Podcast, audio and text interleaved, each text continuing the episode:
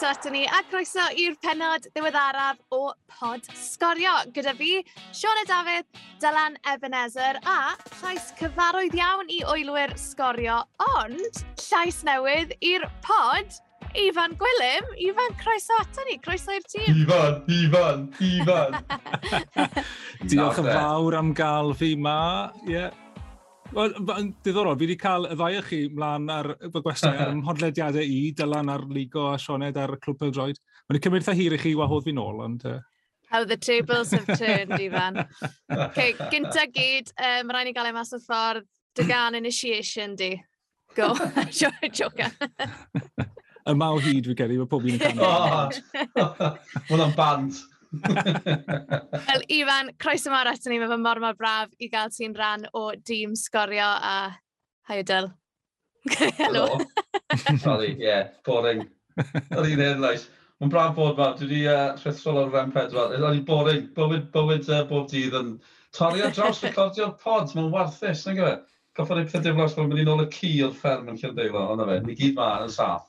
Joio. A heddi ar y pod gyda Mae'n anodd credu llai na tair wythnos tan bod Cymru yn chwarae i gêm gynta yng nghwpan y byd yn erbyn yr unol dyleithiau. Ni'n mynd i fod yn cael cipolog ar sefyllfa'r chwaraewyr, pwy sy'n tanio, pwy sy'n ddim yn cael lot o fynydau i'w clybiau ar hyn o bryd a phwy dyn dyn dyn sydd wedi anafu. Ni hefyd yn mynd i edrych nôl ar benwthnos llawn o'r Cymru Premier a hefyd Pimp o'r 12 tîm nath arwyddo i chwarae yn y Super League Ewropeaidd ddim yn cyrraedd ail rownd cyngrair y pencampwyr. Felly ni'n mynd i fod yn drafod hwnna. A dyl, ti treat dros y penwthnos. Ti wedi bod yn yr Emirates. Ni'n mynd i gael sgwrs am tymor da Arsenal hyd yn hyn cyn Diolch. i ni. Cyn i ni tri pacio'n bagiau a phenderfynu pa gêm bysai'r tri o ni eisiau gweithio arni penwthnos yma os o'n i ddim yn gweithio i sgorio. Felly croeso i'r bod!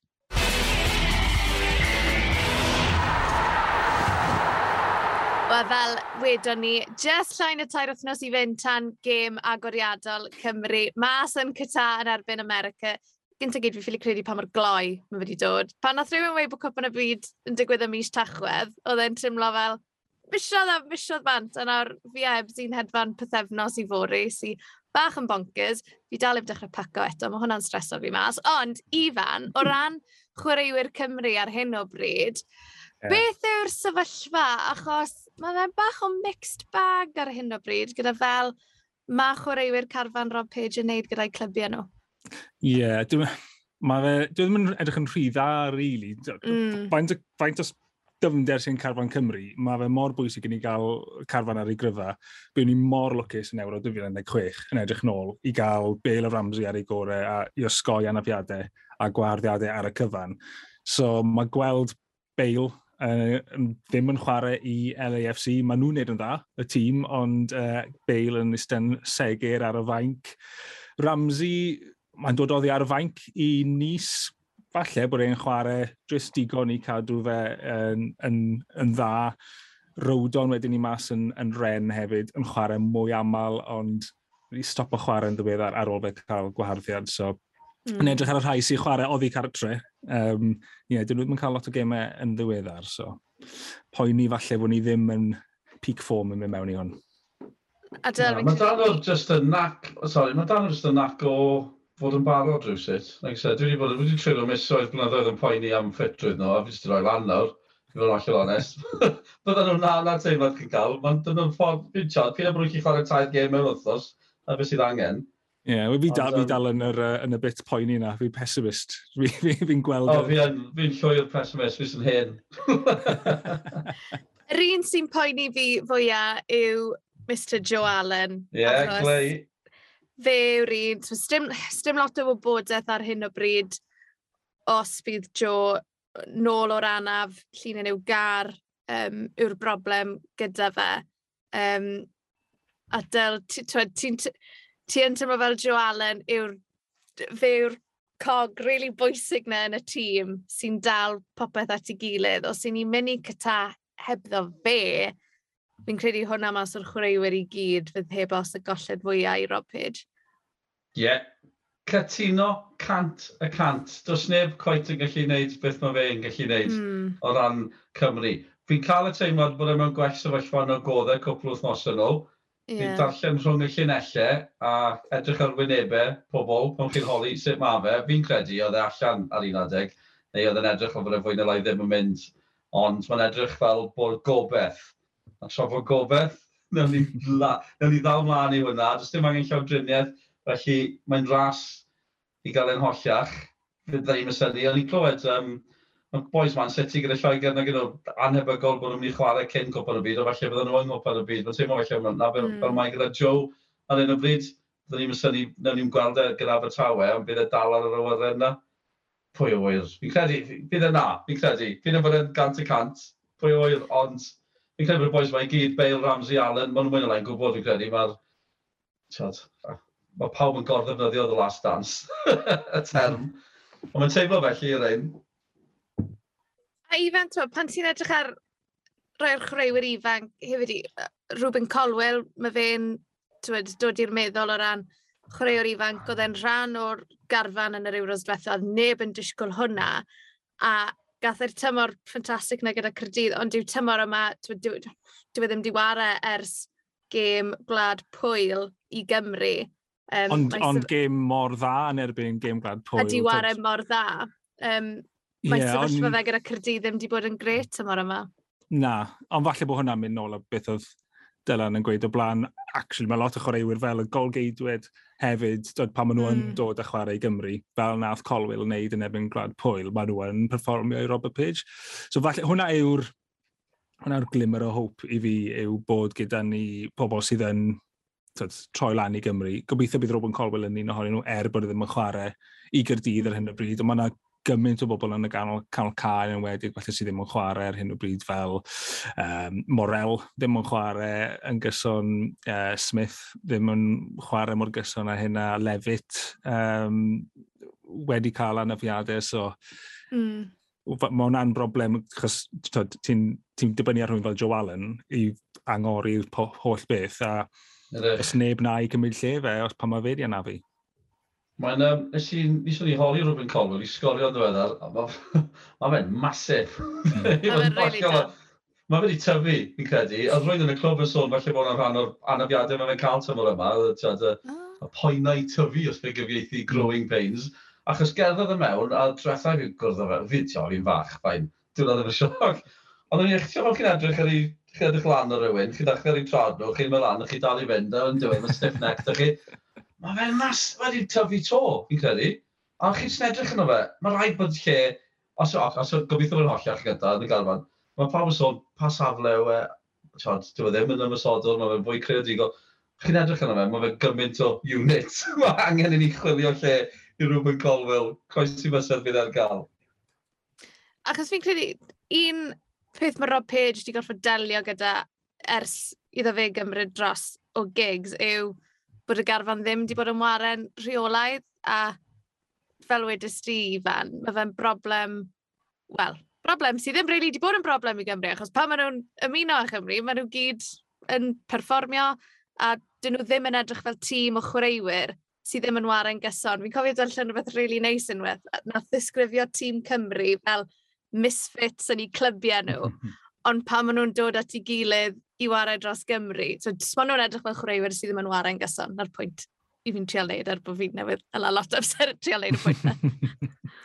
Ie, yeah, na, cant y cant. A dyd, Hal Robson Canw, falle'r er arwr mawr yn Euro 2016 hefyd gyda'r gol yna, pob un yn siampti, ond oedd ddim clwb dy fe. Oedd ddim clwb dy fe? Na, falle, ie, yeah, jyst fel a, dyna yw cryfder Cymru yw pan ni'n dod at ei gilydd, mae'r dyna pam mae lot o'r boes ifanc yma sydd yn gymwys i chwarae Lloegr yn dewis Cymru ar oedron eitha ifanc, achos bod nhw'n teimlo bod nhw'n deulu a maen nhw'n hapus i performio fel rhan o'r teulu na. Nes i fwynhau ar uh, Esbyd Racleth yn smag gyda llaw. Uh, Cewri Cwpan y Byd oedd enw'r raglen. Um, dyna ni'n bod yn i arno fe, a Sean Ed yn ymddangos. A just yr hanes, a ni'n gwybod yr hanes am, am Brian Flynn y Tosiac. Ond o gwaith nath Flynn i, i gael pawb mewn unrhyw un gyda cysylltiad teuluol ac ati. A mae'r ma, ma, ma teimlad na am uh, y, y criw, y ragtag bunch yn cael nhw at ei gilydd. Tio, a yr un peth o ran cael rhain mewn Ashley Williams a hal y ein yn dod mewn i'r garfan. Tio, mae ma, ma yna rhyw deimlad bach. Mae pob carfan yn special, mae pob glad yn cael ei, neu pob cefnogwr pob glad yn cael ei chwaraewyr. Mae'r ma criw ma'n teimlo bach yn wahanol, Mae chi Tio, boys chi gyda Portsmouth a Dundee yn mynd i, Dundee United yn oed, am ddihyriadau. So, mynd i gwpan y byd, mae'n ma rhyfedd, ond rhyw sut mae fe'n gweithio. Felly, neu ni yeah. Neu ni barhau'n hyderus. Sôn yn gloi am y blaenwyr cyn symud mlaen a'r newyddion da dros y penwthnos. Cif Mo yn sgorio dwy gol yn erbyn Spurs. Ifan, dyfa fe yw'r yw gŵr mas yn cyta i Gymru?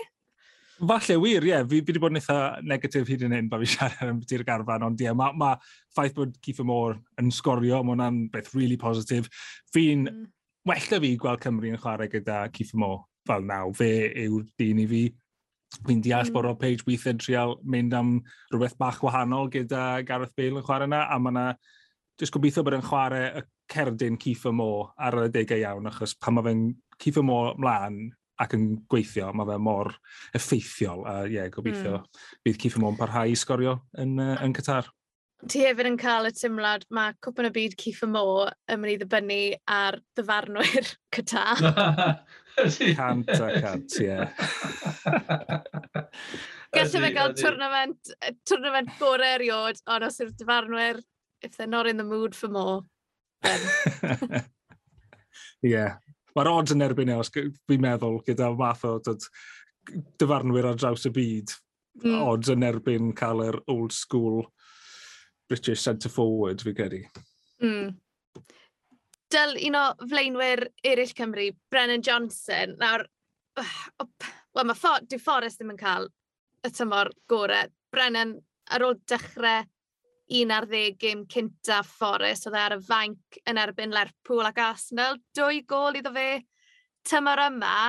Dwi wen... Sa'n ma'n gweud bod yr uwch gyngor yn gormod o naid iddo fe, achos fi dal yn anghofio bod Brennan Johnson mor, mor ifanc. Ond o bosib bod e ddim cweith yn cael y tymor oedd e'n disgwyl wrth feddwl pa mor llwyddiannus oedd ei fforest yn y bencampwriaeth. Ie, yeah, o'n i'n disgwyl o fe tiad, chwalu uwch gyngor Lloegr, a ni'n nes i wylio nhw, Aston Forest i syl, a rhyddhad mwyaf, o'n i'n gweld oedd Nico a Brennan Johnson ar y fainc. So, fel cymog yn Arsenal, o'n i wrth y modd. Di sôn ymlaen yn yr ail hanner, a nath Brennan Johnson dangos mwy mewn 20 munud na nath gweddill tîm Forest wneud, i fod yn dig. Di sôn ymwneud lot. Sgwn i os yw'r holl newidiadau yna yn Forest wedi effeithio pethau, ddim jyst o ran fe, ond o ran, o ran y tîm. cael nhw mor, mm. mor disjointed. Yeah, faint o chwaraewyr fe nhw ti roi? O, mae'n wallgo yna gyfer. A nhw'n neud mor dda i gyrraedd na, gyrraedd yr uwch cyngrair, gyda'r garfan, a mae wedi newid sio gymaint, a mae'n dal mwyn dod mewn. Um, Ie, yeah, mae'n rhyfedd. Mae ma, ma gymaint o dalent o Brennan Johnson. Chi'n chi, meddwl bydd e'n, bydd en iawn. Just, dwi'n cytuno'n llwyr o'n i'n meddwl bydd e e'n cael tymor ffantastig, ond mae fe mewn tîm sy'n sy cael amser anodd ar enw bryd. Ond eto, wnaeth e gyfnewid un Cris Coch am un arall, a bydd e'n ffain. Chi'n chi gweld e'n dawnsio rownd y ceian a'n gytar. Fi'n credu bydd, mae fe'n un, fi wrth y modd yn gwylio Brennan Johnson yn chwarae. A Nico Williams hefyd. Doedd e ddod ymlaen efo'n Arsenal, edrych yn hollol hyderus, dim e awyr pam dyn nhw'n chwarae. Ond, um, na fe, dim fi o'r rheolwr, a mae wedi goffod newid pethau. O'n i'n cwyno, chos gollio nhw. A jyst yn gloi, boys, Dan James a Harry Wilson. Nawr mae hwn yn bach o cynundrum os lycach chi yn y ben campwriaeth, achos ar ôl, colli, ar ôl i Dan golli i le yn hym Leeds, mae fe'n edrych yn debygol bod y nawr bosib yn colli le yn Fulham i Harry Wilson. Yves? Ie, yeah, diddorol o e. Mae'n lle bod eitha da bod nhw'n cael yr gysylltiaeth na mas o ffordd, so mae Rob Page yn gallu gweld pain sydd yn gweithio orau cyn bod nhw'n cyrraedd e bron y bod. Um, yn atgoffa fi beth i gwyddoedd i Gwlad Belg gyda Batshuai a Benteke yn chwarae uh, gyda gilydd yn Crystal Palace, lle oedd un yn chwarae Gwlad Belg a'r un arall yn chwarae Crystal Palace. Um, mm. So falle, tyd, yn debygol, o nabod Robert Page yn licio i ffefrynnau fe, ta dyna ddigwyddydd, bydd Harry Wilson yn ffefryn yn Fulham a Dan James yn ffefryn i Gymru. Dwi wedi treulio gomod amser yn bang o'm hen efo'n wal gyda Dan James. Felly, Harry amdani. mae pawb yn gweud, mae fe methu cyfleoedd, a maen mynd, ie, ond dim ond fe byddai'n gallu creu'r cyfle na, achos mae fe mor gyflym. A chi'n mynd, ie, mae fe dal di methu e. Ie. Yeah. Chad, fi wedi colli pob ymynedd dda fe. Ond na fe, mae fi'n sgorio yn y gêm gyntaf yn efo'n America, fydd pawb yn hapus.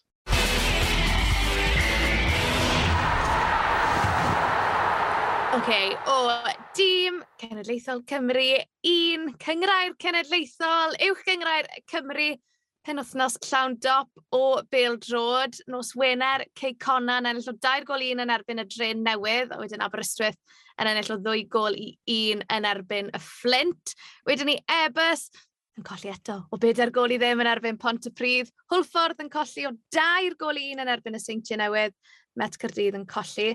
Cernarfon yn fuddigol yn y gêm yna o dair gol i ddim. A wedyn ni, oedd hi'n un yr un rhwng y bala a ffen y bont. Del, na i ddod at y tŷ gyntaf, so ti'n sylwebu. A'r gêm Ceicona yn erbyn y dre newydd nos Wener. Siwr athi, ond felly benderfyniad uh, oh, diddorol. Ie, ond i'n gofio hwnna. O, oh, waw, ie, yeah, the gift of spot yna. Mae just... A chi'n sylwebu weithiau, chi'n meddwl, yw pobl eisiau clywed y marn ni fan hyn, ond weithiau chi'n gweld digwyddiad sydd mor amlwg yn anghywir, mae rhaid i chi weid, weid e fel chi'n gweld i. A oedd e mm. just yn camgymeriad, oedd e just yn camgymeriad gan y dyfarnwr. Ar yr olwg gynta, felly mae'n ddisgwr, mae Cey Conan heiddi ennill on i ddechrau da, ond nhw'n chwarae'n well na trio newydd, ond oedd hi'n ddisgwr, a mae'r penderfynu wedi rhoi cic o'r smotyn yn y hanner cyntaf dau o chreuwyr cic honna mewn mewn i gilydd, uh, Walker o trwy newydd, jyst yn clirio'r bil, a dyfan o'r cic Watyn. Mae fe'n cael y bil? Mae fe'n... Un o'r rhaid Un o'r rhaid i chi'n ysgwyd eich pen, a... O, oh, chod, a ddi'n... Be allwch chi wedi, sy'n modd dechrau cyfio na i, e, sy'n gamgymeriad. A'r cic honna ymlaen i ennill y gym, o'n nhw'n o'n nhw eitha cryf, maen nhw mor brofiadol, maen mor frowychus gweld i profiad nhw. A maen nhw'n unrhyw pan maen nhw'n synwyro unrhyw fan gwan mewn gwrthwynebydd, maen nhw'n taro. Just mm. i, hmm. tio, mae hoedra nhw'n mynd yn erbyn nhw, gyda pa, pa chi dal yn dyfynnu ar Mike Wild a'r boys ma, um, mae hwnna yn ffactor, does dim amheuaeth am hynny. Tio, a fy horan, tio, mae fe'n 40, mae, ma Wild yn 39, ond maen nhw'n dîm da, maen nhw'n neud yn rili dda. A, a ni trwy'r gêm, o'n i'n neud gymryd y ffys achos y record heb ildio yma, dan nhw'n yn y, gart, yn y gyngrair gartre, nhw ddim di ildio ys Ionawr yn y gyngrair a ni'n brolio, brolio, brolio, a, a mae fe'n ma fe record anhygol. A wedyn, chi'n cofio bod record am ddiffynol TNS yn well, er bod chi'n mynd mlaen, ymlaen am ceic honna, ond maen nhw'n ma nhw edrych yn dda, Dan Gibson, maen nhw bronol i fel o'n nhw. Dwi'n dal ddim yn mynd i fod yn ddigon i dal y seintiau, ond uh, mm. maen nhw'n dda, um, nath Stratulis, trwy cyntaf i weld fe yn y cnawd, pobl wedi bod yn gwylio fe ar y benthyg y tranmiau, am dalent. A ni'n meddwl, nath Ryan Harrington war yn wych hefyd, um, cefnwr yw e gyda nhw wedi bod ar seintiau. Nes i, o Jake Phillips da ni, nath edrych yn hirt yna i'r un adeg, achos o'n i'n dechrau sy'n gymaru fe Declan Rice, achos oedd e'n edrych fel amddiffynol, gallu chwarae yng nghanol cae. Sa'i siŵr os oedd Jake yn cytuno, ond um, dyna'n theori i'r nosod y beth. Just yn gloi iawn, ti'n ddim yn sôn am Jake Phillips, sa'n siŵr os mae rhywun wedi gweld ar Twitter, ond mae rhywun wedi gwneud Merlin o Joe Allen yn Narberth. ond mae fe'n edrych gwmwys fel Jake Phillips, nid Joe Allen yw e, so mae fe'n edrych fel os mae Jake Phillips yn gryndo, mae yna furlen masif o Jake Phillips yn arfer. Fi'n credu mae Teir yn gedi Cymru ac yma yn bersonol. Ond bydd y goliaeth yn fi Lloegr. Ifan, ble o ti ffyn wythnos yma? Uh, o'n i'n cyn coed yn swebu ar uh, Met Cyrdydd yn ebyn ffynon... ta... No, sorry, Canarfon. Hey. Um, no! stori fawr o cyn coed, ie. Yeah. Ie, yeah, Cynarfon wedi troi lan eb kit. Um, fi'n siŵr, sam o siwm mae'n digwydd, fi'n siŵr oedd yna weiddi gan Hugh Griffith fi'n Gymryd. A fi'n gwybod... Fi'n really moyn gwybod ble ar yr A470, ble o'n nhw pan nath nhw sylweddoli bod y kit ddim gyda nhw. well, fi wedi clywed llanfa'r ym iallt, ond sa'n gwybod pan mae'n hwyr Ouch. Hwna. So, ie, yeah, dim yn mynd i troi nôl o fyna, holl ffordd nôl i Gynarfon i ti. Na. Na. Ie, yeah, lot o, lot o galwadau ffôn frantic er o'n clybau lleol, oedd nhw'n llwyddo i gael crysau wrth ffynon taf. O'n i'n meddwl ar un adeg falle bod y bari mynd i fod yn, yn helpu mas hefyd. Um, yn y gêm ddo, tair gol i Gynarfon yn yr ail hanner, um, ond y ddau reolwr yn cyfeirio at uh, pwysigrwydd hanner cyntaf yn y canlyniad, so Ryan Jenkins yn diawlo um, y cyfleoedd na ddim cael ei cymryd yn hanner cyntaf a Hugh Griffiths mm. yn falch o fynd mewn yn ddi-sgôr ar egl. Yeah, ond fi'n fi gofalu, gêm eitha da, uh, hanner cynta er bod hi'n ddi-sgôr, a unwaith gath Cynarfon y gol na, ond nhw'n edrych eitha cyffyrddus. Mae Achos... Them, sorry, mae'r ffidel o roc mae gyda rhyw nac o sgorio goliau, nag ysau, rhai bler hmm. ond mae'n well, meddwl fe sgorio nhw. Wel, ie, yeah, oedd oedd y gol gyntaf fe ddo, o'n i'n meddwl, bert iawn, tyd, un cyffyrddiad mm. bel hir, jyst i, jyst i tapo i hibo y golwr, oedd un un bert o'n i'n meddwl. Ie, yeah, mae'n mae'n edrych yn tipyn o chwaraewr o Lerpwl. Cos wrth edrych ar y tabl i ni, just dros hanner ffordd, fi'n credu, trwy'r hanner gyntaf. Hanner ffordd trwy'r hanner gyntaf. Chi'n edrych ar y tabl. Balan drydydd, 21 o bwyntiau. Cynarfon yn bedwerydd, ar 21 o bwyntiau. Pen y bont yn bimed ar 21 o bwyntiau. Wedyn mm. Met hmm. Gyrdydd yn weched ar 18 o bwyntiau. I fawn, mae... Ni'n gweud yn bob tymor, mae fe just fel okay, mae'r seintiau, ffain, maen nhw ble ni, ble maen nhw, ond mae'r syfleoedd yna, twyd, trydydd i'r weched, o bosib seithfed safle, mae fe jyst yn fynd, mae fe'n mynd yn fwy fwy tyn bob, bob mhm. tymor. Ie, yeah, rhi beth tymor yma, dwi'n diwetha, lle mae rhif un bell ohoni a gwylod bell ohoni, ond mae popeth mm. yn y canol mor dda, mor gystadleuol. Um, Mae'r tri yna ti'n gweud yn gyfartal ar pwyntiau, Bala, uh, Cynarfon, a Pen y Bont, mae'r ras na mynd i fod yn eitha diddorol. Achos mae'n debygol, da, siawns dda bod trydydd yn mynd at i Ewrop um, mm -hmm. tymor yma, falle. Um, mae Pen y Bont a chwarae Canarfon penwthnos yma, mae hwnna'n mynd i fod yn gym fawr. Ie, yeah, mae'n mae, mae, mae rhyfedd. Fi'n gwybod, mae ma, ma fe'n teimlo eitha deja vuaidd, os yw hwnna'n term, hmm. achos fel mae Ifan yn gweud, fi'n credu, eich chi'n ofio'r brig a'r gwylod yn barod, mwyn o lai. Uh, just beth sy'n digwydd wedyn ni rhwng y deg nesaf. Ond ni'n dysgu godre newydd lawr yna. A ni'n dysgu gweld hwlffordd lawr yna chwaith, i fod onest. O'n i'n meddwl bod Aberystwyth reit yn ei chanol i. Maen nhw'n dechrau, maen nhw'n fel sy'n nhw'n siapoi. Maen nhw'n pigol am pwyntiau. Yn wedi gatre, os maen nhw'n sy'n chwarae gatre, maen nhw'n ennill o ddwy gol un. Ar un o bryd, dyna beth maen nhw'n neud. A mae fe'n gweithio.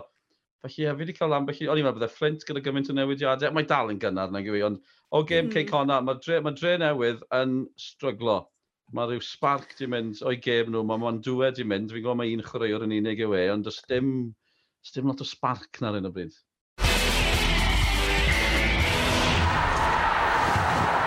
Wel, ni wedi cyrraedd y rhan o'r pod ble ni'n trafod pethau sydd wedi digwydd yn ystod yr wythnos yn y byd pêl drod, sydd wedi yeah, plesio ni neu fel arfer gyda Dyl, ddim wedi'n plesio ni, ond fi'n credu bod Ebsi'n eitha hapus ar hyn y bryd. Ond yn gyntaf, boys, ni'n mynd i sôn am gyngrair y pencampwyr. I ni mewn i'r wythnos ola cyn i ni fynd drwyddo i'r knockout. A fi'n credu beth sydd wedi plesio eitha lot o gefnogwyr pêl drod yw'r ffaith bod y pimp, wel, pimp o'r clybiau oedd ynghlwm ar Super League Ewropeaidd a popeth y gwyddoedd gyda hwnna, bod nhw ddim wedi mynd trwyddo, bod nhw ddim wedi mynd mas o'i grwpiau nhw. Felly Barcelona, Atletico Madrid, Manchester United, Juventus, Arsenal. Eh, uh, pimp oedd ynghlwm gyda'r prosiect, Ifan. Ie, yeah. hwnna'n eitha ffynnu. Ie, mae yn. Mae yn. Ond edrych ar rhai o'r grwpiau yna, oedd Barcelona mewn grŵp caled gyda Inter a a Bayern. Mm-hmm. Mm. Lle oedd un o'r tri na yn gofod colli ei lle. Um, ond ia, yr un sy'n sefyll mas mwyaf allan o'r, or pimp yna, fi'n meddwl, yw, yw Juventus. Mm. Uh, yn colli, mae'n colli dwywaith i Benfica, mae hwnna'n un peth, ond colli i Maccabi Haifa. Hwna'r canlyniad sy'n tynnu sylw, oedd hwnna'n un, un mawr. Um, dod, I feddwl pa mor dominant o'n nhw yn y cyngre'r cartre nhw um, mm. tan yn ddiweddar iawn. Mae'r ffaith bod nhw nawr ddim yn gallu mynd trwyddo i, i knockouts y cyngor pecampwyr yn huge a colli yn erbyn tîm bydde ti'n disgwyl yn nhw giro. Um, Un arall wedyn ni, Atletico ti'n sôn am. Um, yn y grŵp yna, Club Rouge yw'r un fi'n impressed iawn da. Um, mm. pedwar, pedwar pwynt off Atletico, a maen nhw'n rhi sicrhau lle yn y rown nesaf, so ie, yeah, da iawn i nhw. Yeah, a dyna sy'n mynd, so, sorry, ti'n mynd yn erbyn y, y syniad o greu y fath gyngrair pan mae Ifan yn sôn am Benfica, Club Bruges yr un. Mae, ma, oedd yn embarrassing bod, bod yn rhan ohono fe fel cefnogwr Arsenal, pan chi'n mynd angon, tiod, mm. read the room. Uh, a, a, a, pa bwynt mae rhywun yn mynd, ie, yeah, mae hwn syniad da, bydd neb yn cwyno, bydd hwn yn gret. O fi'n gwybod mae'n hen stori efo'n hyn, ond chi'n cael e, mae'n mwy na just byd chwaraeon, chi'n cael yn y byd gwleidyddol ac ati, mae'n penderfyniadau'n cael ei wneud. Mm. Just ymwneud, pwy sy'n sy cynghori'r pobl yma sy'n gwneud y penderfyniadau? Achos dim jyst cael e'n wrong, maen nhw'n cael e mor anghywir. A chi jyst fel, ta, ni'n gweld, wel, fi'n cysau'r term tropedol sy'n broblem yn ddiweddar, achos fi'n darlledu ar Radio Cymru trafod newyddion, a mae yna ambell i tropedol di bod. Mae jyst, mae yna bobl yng ngofal y campau, yng ngofal busnesau, sy'n gwneud penderfyniadau rhyfedd iawn yn ddiweddar a y Super League ma. Wel, a, a, a beth sy'n brawychus yw, maen nhw dal, chi'n gwybod bod nhw dal eisiau cario ymlaen, da fe, na wel, mae clyfau Sbaen yn gweud yn blwmp ac ymlaen bod y dal yn digwydd. Felly beth yn y byd, ych fi. Wel, jyst i fi nôl i Juventus, i feddwl taw, llywydd Juventus, Adrea, Ad, Adrea Agnelli oedd un o'r, wel, un o'r bobl oedd, wel, moyn creu'r Super League fwyaf ffaith, ddywyd Stephen bod Juventus heb fynd trwyddo'r grwpiau. Fi'n credu mae rhaid i sôn am Chelsea i feddwl, pan nath Graham Potter gymryd droso, i gêm gynta fe wrth y lliw yn Chelsea oedd yng Nghyngrair y Pencampwyr. O'n nhw ar wylod y grŵp, a nawr maen nhw ar frig y grŵp ers i Potter gymryd droso. A'r ffaith nath ei weid, oedd e heb ei dynod bod i weld gêm Cyngrair y Pencampwyr, a'n sydyn reit, oedd e wrth ochr y car rheoli'n a nawr bod nhw ar frig y grŵp fi'n credu, dyl, hwnna'n eitha yeah, impressive. Ydy, ydy, ydy ma fe. Um, oedd wedi cael makeover bach hefyd, oedd yn edrych yn siarp iawn. Um, y ffeid, fi'n hoff iawn o'r ffeid. Na, ai blaw am y gym yn efo'n Brighton, chi'n chi, gweld hwnna'n dod o bell gyda Chelsea. Pam, fi ddim yn gwybod. A chi'n just yn, ie, yeah, maen nhw'n mynd yn trwbl fel hyn. Mae Pale Jordan yn rhyfedd. a beth sy'n hyfryd amdano fe, a beth sy'n mor wrthyn i bopeth oedd y Super League yma yn, yn geisio i greu. A wedyn chi yn deall hefyd, os yw'r clybiau mwyaf yn mynd amdani, a bod rhywun fel Arsenal neu Tottenham hyd yn oed, er bod nhw'n gwneud yn dda yn Cyngor Pencampwyr, o gen i weld, um, dyn nhw'n mynd i wrthod y gwahoddiad yna gyda felly mae'n abys sy'n drist, no. chi'n mynd, oh, wel, os ni'n cael cynnig, ni'n mynd i fynd amdani, achos ni ddim eisiau ddim bod yn... Mae ma bod yn rhan yno fe, cael eich peniadu, yn well na ddim bod yno a colli allan am hynny. Ond mae fe jyst yn... Oh. Ond maen nhw'n neud e gyda'r um, Cyngor Europa nawr, achos mae yna play-offs nawr, mae gorffen yn ail yn eich grŵp ddim yn golygu bod chi'n mynd drwodd, chi'n mynd i fod yn chwarae rheini sydd yn allan yn gyngor y pencampwyr. Mae'r mm. um, ma gwneud popeth yn ei gallu i sicrhau bod y clybiau mawr mwy yno. Yn llwyddo. Ie, ydy, ydy. Mae'n ma fe'n ma fe drienni. Rwy'n sydd ddim wedi bod yng Nghyngor y Pencampwyr am spel, ond o bosib mae hwnna fyny newid tymor un, yw Arsenal FC, achos SG yr Emirates, dydd syl treat bach gyda'r plant. Oh. ie, yeah, fi'n cofio, oedd pawb yn, oh, tia, mas wedi bod yn um, easy target os y blynyddoedd diwetha. Sydd, a fi'n deall pam, fi ddim digon naif i fi deall pam. Ond fi hefyd, fi'n tia, pam oedd Fenger yn gweud bod gorffen yn bedwerydd yn bwysig, falle bod y term bod y fel ennill cwpan yn un anffodus, achos oedd e'n hawdd gwawdio. Ond mae fe'n bwysig, a, o, dylen nhw wedi gwerthfawrogi beth oedd gyda nhw. Ond, um, oedd e'n neis iawn. A mae beth, beth gorau yw mynd ar plant. Ges i, ath dad llusgo fi haifri pan ni'n tua 5 bod. Mae fe'n rhywbeth oh. hyfryd. A, tio, a mae cael mynd ar plant na, oedd e'n neis iawn. A wedyn chi'n cyrraedd na, chi'n mynd, o, fi'n gweddio bod nhw'n mynd i ennill. Chi ddim eisiau, ys i offredi cwpl o dymorau yn ôl i gryw gêm efo'n Crystal Palace. Y gêm na nath Siaca adael y cae, nath y cefnogwyr droi yna fe. Gath ei ddanfon oh. y cae na fynd na Crystal Palace. Goffen oedd hi'n 2-0, sgorin i reit ar y diwedd, a nath VAR uh, wrthod caniatau'r gol. Felly na beth o profiad cyntaf Freddy o'r, or Emirates. Da ni'n meddwl, oh, come on. So oedd mynd i Seal, ennill y bimp i ddim, a dden, mm. uh, dden neis iawn, just o ran, obviously, o ran Arsenal, ond just o ran bod nhw wedi mwynhau, a maen nhw eisiau mynd ôl, mae merch i nawr, pryd ni chi mynd nesaf, fel, yes, job done. Oh. ti'n um, ti credu bod Arsenal yn mynd i gallu, yn mynd i allu cadw'r momentum yma i fynd trwy gydol y tymor? Fi'n credu hwn beth sy'n mynd i fod yn ddiddorol gyda cwpan y byd nawr, yw, mae fe bron fel bod doi tymor gwahanol, dyn ni, mewn oh. ffordd, achos mae fe mynd i fod mor ddiddorol, ti'n y tîmau nawr, fel Arsenal, sy'n gyda lot o momentum tu ôl i nhw, ar ôl Cata, ti'n fel mae'r ma gyngrair yn mynd i edrych. Ie, yeah, mae di, mae'n ma a mor anodd proffwydio. Sa'n i edrych ar faint o glybiau, faint o chrwyr o pa glybiau sy'n mynd i gwpan y byd yn iawn. Chi sy'n ymwybodol, bydd tipyn yn mynd o'r clybiau mwyaf yn amlwg. Um, Ie, yeah, pwy a wyr... Oh, mae Man City yn lefel arall. Ie, yeah, mae Haaland... Mae Haaland yn mynd i fod yn chillo a wedyn... Ie, na'r na broblem, fi'n gwybod. A mae ma nhw ar lefel arall, a allwch chi wneud, a mae'n anodd cystadlu dyn nhw, a mae gymaint o'r ysymau, ni gyd yn gwybod pam. A na, yn realistig, sy'n nhw'n ennill y gyngrair, ond mae ma nhw gymaint gwell ag o'n nhw'n tymor diwetha. Felly, chi'n chi mynd i dderbyn hynny, a gobeithio bydd yn ddigon i fynd nôl i, i gyngred y pencampwyr. Ond yn drefnus, mae'n teta wedi cael nhw o'n i'n gwrando ar cwpl o pundits yn sôn am, dyn nhw'n mynd yn goffa'r edrych nawr, am y bas, maen nhw'n gwybod bydd rhywun yno. A fel oedd rhyw erthigol yn gweud, chi'n chi ennill i bimp i ddim yn efo Nottingham Forest, ond eithaf cymryd yr Arsenal dal dreulio oriau yn edrych am y pethau negyddol. Ie, yeah, mae Saka di cael anaf, ie, yeah, maen nhw'n edrych yn flynedig yn yr hanner cyntaf, bla bla bla. Just mwynhewch e. mae fe lot o sport.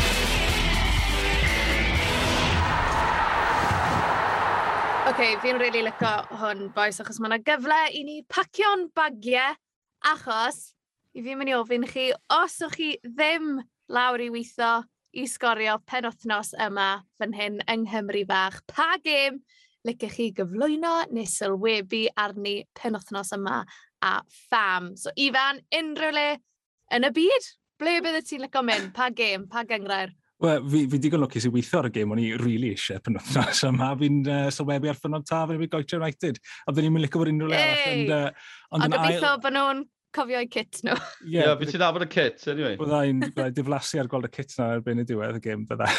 uh, na, ond uh, yn ail agos, byddwn ni yn mynd i Wlad Belg. Uh, byddwn ni digon hapus i fynd i Wlad Belg pob yn wythnos. Um, Mae'n le lyflu. Uh, cwpl o geimau diddorol yna pen wythnos yma, ond yr un byddwn ni'n mynd i yw Antwerp yn embyn Anderlecht, uh, sef mm. Toby Alderweireld yn erbyn Jan Vertonghen, y dau uh, amddiffyn o'r rhyngwladol cyn Spurs, a chwarae yn erbyn i gilydd. Um, mae Antwerp wedi dechrau tymor yn wych yn nillio nhw naw gêm cyntaf uh, ffantastig. Maen nhw wedi stytro ers ni, maen nhw nawr yn ail tu ôl i Racing genc. Mae yna garfan rili really da dan nhw, lot o gyn chwaraewyr rhyngwladol, ond un sydd ddim yn mynd i fod yn chwarae yw Raja Nainggolan, sydd, um, sydd nawr gyda ei wahardd gan y clwb achos oedd e uh, wedi cael ei ddal yn ysmygu ar y fainc yn ystod gêm. um, so, ie, yeah, bydd e ddim yn yn chwarae, ond ie, yeah, i bobl sydd ddim yn cofio Raja 9 Golan, oedd uh, nath sgorio'r gol gyntaf na yn Cymru yn Euro 2016 a sgorio'r gol smoking hot o fi. Nes i text o'n rai gyda'r gym na, achos ni'n drawn Frank, a y stori oedd, pryd chi'n dod getre, a ni fel, fi'n mynd gwybod, A sgoriodd na'n gola yn y text sydd yn gweud, credu byddai gartre fori. Pan mae hwnna mewn. Nath Arsenal, nath Wojciech Chesney gael ei gosbi am, am smygu yn y cywodydd. Fi bron yn sicr mae ar ôl game yn Southampton ydi. A tio, bydd Arsenal wedi gallu gosraffu, neu safio lot o drafferth os nhw wedi cadw Chesney am blynyddoedd, yn lle mynd trwy'r holl drafferth a golgeidwad yna. Slai ffag yn y showers, cadw chi. Credu Chesney yw un o'r chwaraewyr neisaf fi wedi gweld e. Oedd e'n ffaid really ah. ffein. Cyn game glad Ah. Yeah. yeah. Gol geidwad so. eitha da. Oedd, oedd, e. ddim rhi ffôl, ddim yn rhi ffôl. Del, ble ti'n mynd? Wel, mae yna leoliadau penwthnos yma. Um, Allech chi fynd unrhyw yn Sbaen am hynny, allech chi. Mae Girona yn chwarae gatre am ddinas. Barcelona gatre, fi wedi bod fyna, sa eisiau mynd fyna. A da fi thing yn Barcelona, achos nhw'n dwy'n chreuwyr gorau Arsenal, felly maen nhw dal dibset o fi. Um, mae Toulouse gatre yn ebyn Monaco yn Ffrainc. Mm. A nes i weld honna, a jes mor syml â hynny, ar ôl, gan bod ni'n sôn, Euro 2016, Cymru yn Toulouse, fes i yno cyn y gystadleuaeth, ges i'r pleser o grwydro Ffrainc dy Malcolm Allen. A greiddo ni Toulouse, ond mae fe'n le anhygol, diwylliant, bwyd, a nath y boi mae ni'n cael yn tywys o gwmpas rhyw arbenigwr yn caws. Mae yna, chi chi cael gwobren Ffrainc am eich caws yn y bôn, a mae'r boi yma yn arbenigwr oedd wedi pasio bob arholiad, a nath e weid wrthon ni, Toulouse is the belly of France, nath e troi to Malcolm, and you are the belly of Wales. Nôl i Toulouse, i fi, ysgolwch yna. Lovely. A fi di... Dwi'n dim am y gêm, sy'n clywed o fi am y gêm, gofio, Just mae'n mynd i Toulouse eto. Ie, yeah, fi di mynd lawr yr un trywydd, fi mynd am, am y vibe, so fi di dewis Real Sociedad yn erbyn Valencia oh. yn oh. La Liga. Mm. Cho, penwthnos bach yn San Sebastian, lovely. Nice. Hyd o'r tasau yn Valencia, byddwn ni'n mynd Hyd yn it's a win-win. It's a win-win. Two legs, home and away, na bych chi'n. Ond, fi neb yng Ngwlad Belg, na Sbaen, na Ffrainc, achos i ni'n mynd i fod yn fyw o neuad y parc. Wel, ni ar y ffin, ni ar y ffin. Y seintiau newydd yn erbyn Mets Dydd. Sorry. Mae hwnna di ticlo fi. Ti'n bod yn Cofiwch fy sgorion fyw o Loegr. y gêm fyw sydd ganddo ni yw Seintiau Newydd yn erbyn Met Cyrdydd nos Sadwn. I ni'n fyw am 5 o'r gloch o neuad y parc. Felly, os ych chi ddim yn watchan Syria na La Liga yna, watchwch y Seinti Newydd yna yeah. Mes Gyrdydd. Ifan, Ifan, cyn ti fynd yn gyflym, os unrhyw o beth o Met, nes ti fel yn penwthnos diwetha, ar y degau, tyfo'r ma, ni'n meddwl maen nhw'n mynd i fod yn iawn, ond mae'r dim yn ddiweddar. Mae getre, fi'n gwybod nath nhw golli o saith gol i ddim, fi dim ond wedi gweld nhw getre tymor yma, fi ma, maen nhw'n rili dda, um, a maen nhw'n licio cadw meddiant, ond ie, yeah. yeah. y prif beth i fi, yr un tro fi wedi gweld seintiau, Nathon nhw smasho bala o 5 gol i ddim, a maen nhw bellfordd y tîm seintiau gorau fi wedi gweld. Mm. Wff, mae Garen Odin brochus yna. O'i ben. Wel, Ifan, Dylan, diolch yn fawr am eich cwmni chi heddiw yma. Ifan, siwr o dy brofiad gyntaf di ar bodlediad sgorio. Ie, yeah, neis, neis gallu bod yn rhan o bodlediad sy'n cael mwy na llawn llawer o'n dawyr. So ie, yeah, diolch am cael fi mlaen gei di ddod nôl. Diolch yn fawr i chi am eich cwmni chi a diolch i chi am wrando. Cofiwch tan ysgrifiwch ble bynnag i chi'n cael eich podlediadau chi. A hefyd, cofiwch gadw Lyged Barcud ar blatfformau sgorio. Mae yna lot fawr o gynnwys, eich afbwyntiau, cyfweliadau. Felly, ie, yeah, jyst dilynwch ni bob man. Diolch yn fawr, tyra.